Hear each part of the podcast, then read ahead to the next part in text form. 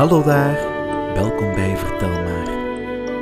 Het verhaal dat we je nu gaan vertellen is. De magische klok.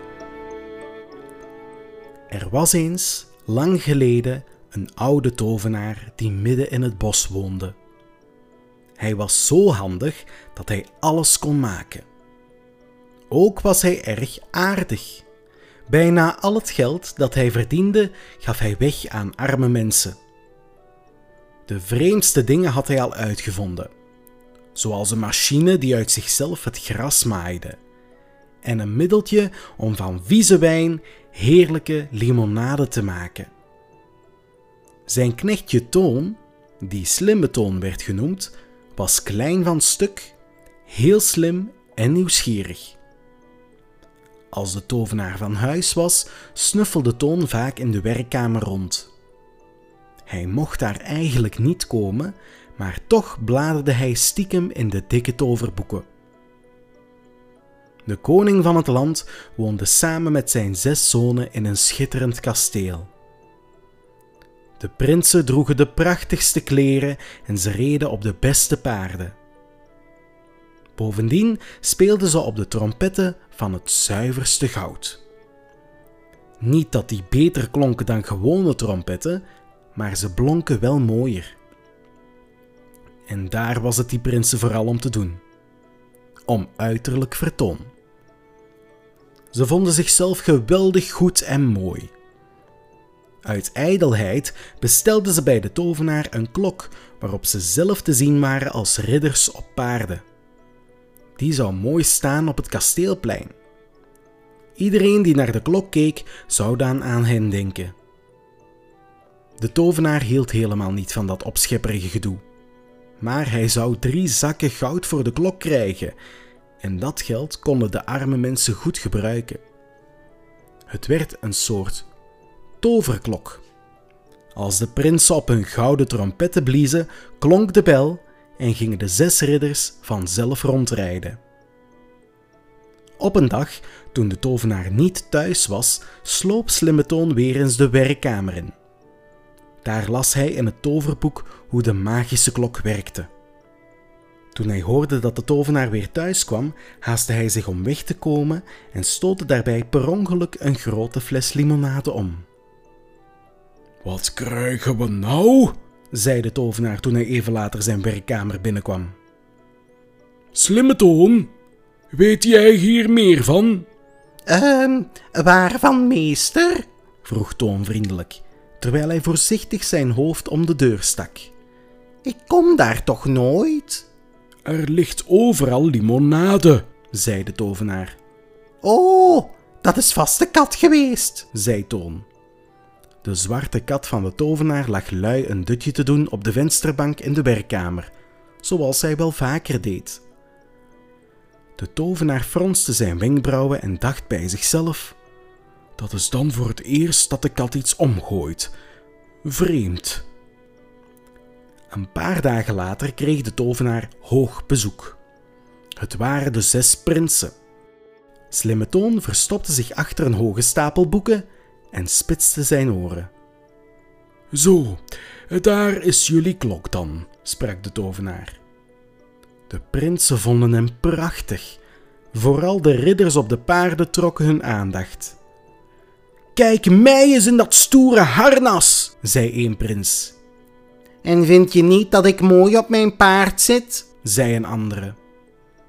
De tovenaar ergerde zich al gauw aan al die ijdelheid en zei: Heren, als u me nu de beloofde drie zakken goud wilt geven, dan kunnen we de klok naar het kasteel brengen.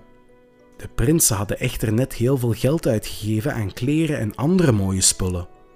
Eentje zei: "Eh, Drie zakken goud hebben we niet, maar één zak wel. Dat lijkt me ook wel genoeg. De tovenaar keek verbaasd. Het spijt me, maar afspraak is afspraak. Ik heb heel lang aan de klok gewerkt en ik wil gewoon keurig betaald worden. Met drie zakken goud. De klok is nu toch klaar, dus doet u niet zo flauw, zei een prins brutaal. Neemt u maar genoegen met één zak goud. Toen werd de tovenaar heel boos. Slimme Toon zag vanuit zijn schuilplaats hoe zijn baas de zes prinsen de kamer uitjoeg. Ik verkoop de klok wel aan iemand anders, hoorde hij hem nog roepen. En BAM! De voordeur klapte achter de prinsen dicht. Een beetje ontdaan ging de tovenaar bij het haardvuur zitten. Hij schonk zichzelf een glaasje zelfgemaakte limonade in en verzuchtte: Je zou ze toch, de rijke stinkerts. Toen riep hij zijn knecht: Slimme toon, ik ga op reis. Ik moet mijn klok aan iemand anders verkopen, want de prinsen betalen me niet wat we hebben afgesproken. Oh, wat verschrikkelijk oneerlijk, zei Toon.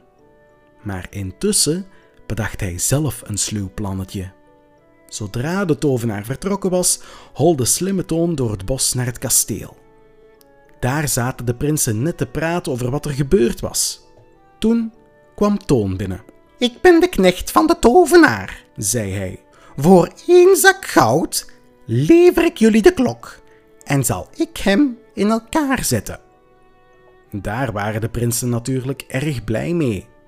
Laten we dan meteen gaan, want de tovenaar is nu op reis, zei Toon. En even later reden ze samen naar het tovenaarshuis.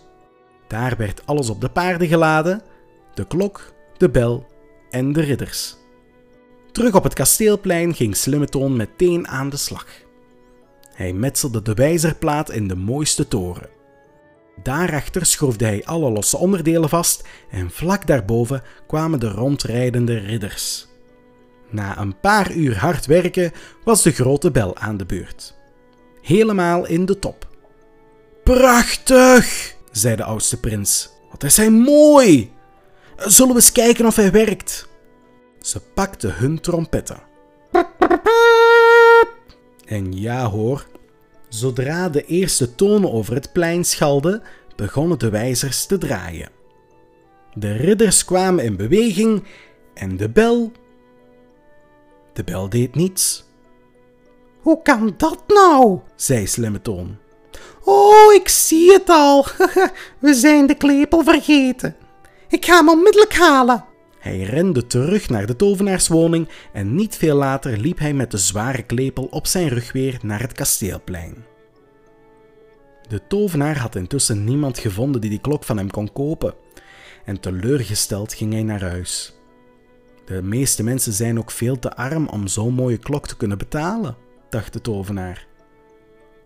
Maar wat was dat nu? Daar liep Warempel Slimmetoon over het bospad met de klepel van de klok. Vreemd. De tovenaar verstopte zich achter een boom om hem stiekem te kunnen volgen. Op het kasteelplein aangekomen stonden de prinsen al met de zak goud te wachten. Er had zich een grote menigte om hem heen verzameld. Slimmeton klom meteen naar de nok van de toren en hing de klepel in de bel. De zes prinsen gingen in een rechte rij staan en brachten de trompetten naar hun mond. Hoera! riep Toon vanuit de toren.